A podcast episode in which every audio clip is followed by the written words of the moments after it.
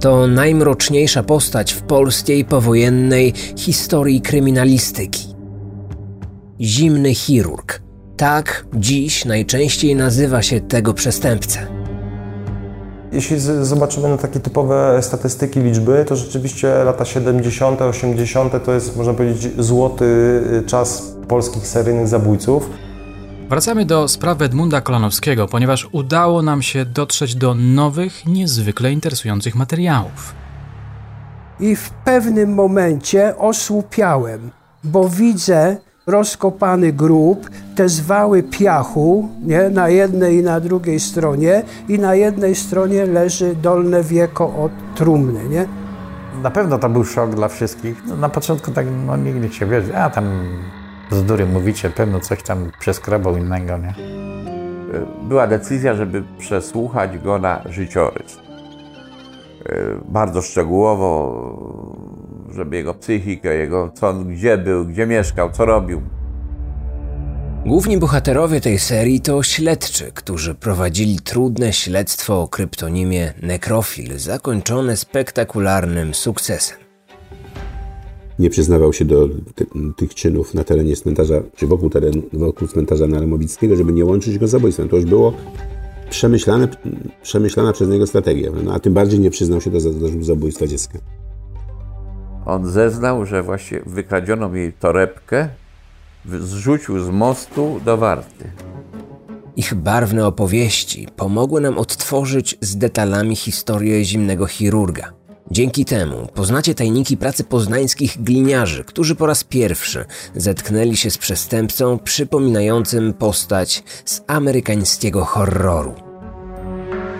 Typowaliśmy raczej człowieka, który kiedyś miał coś wspólnego albo z rzeźnictwem, albo myślistwem, albo jakiś prosektor, który pomagał przy sekcjach zwłok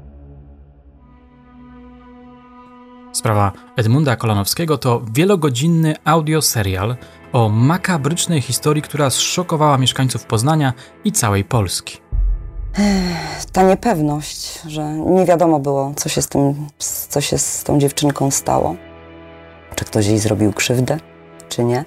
Czy inne dzieci w związku z tym są zagrożone?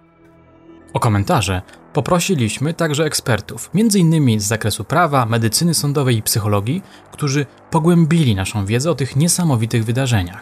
Zadawala swoje popędy y, na zwłokach. To, to, to nie, nie, łączyliśmy tego jeszcze z, ze sprawą nekrofilu, w ogóle jako nekrofilii jako takiej, tylko raczej no, zbezczeszenie jakiegoś, jakiegoś zwyrodnialca. Tak daleko idący sposób okaleczenia zwłok ofiary wskazuje na to, że ten człowiek miał bardzo duży problem w relacjach intymnych z kobietami, ale nie tylko intymnych, ale też emocjonalnych.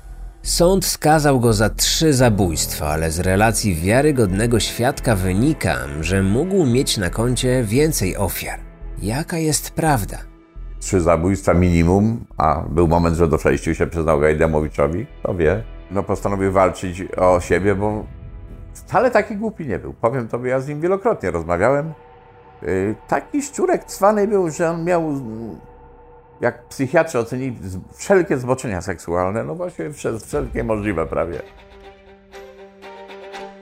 Nasz dokumentalny audioserial Sprawa Edmunda Kolanowskiego jest już w sprzedaży. Partnerem tej audioserii jest stacja CBS Reality. Bo myśmy liczyli, że on gdzieś tam w grobie siedzi, w tym dole, prawda? A się okazało, że myśmy się skoncentrowali nad, nad grobem, nad tym wykopanym dołem, prawda? A on się tam zerwał, nie wiem ile to było, 3-4 metry dalej z lasu, nie? Ze skraju lasu, tak? Po każdym następnym takim czynie stwierdziliśmy eskalację działania i pewną wprawę techniczną wprawę w wycinaniu narządów płciowych zewnętrznych oraz w niektórych przypadkach również gruczołów piersiowych, ale przede wszystkim chodziło o. Więcej informacji o naszym projekcie znajdziecie na stronie eda.kryminatorium.pl. Marcin Myszka i Michał Larek.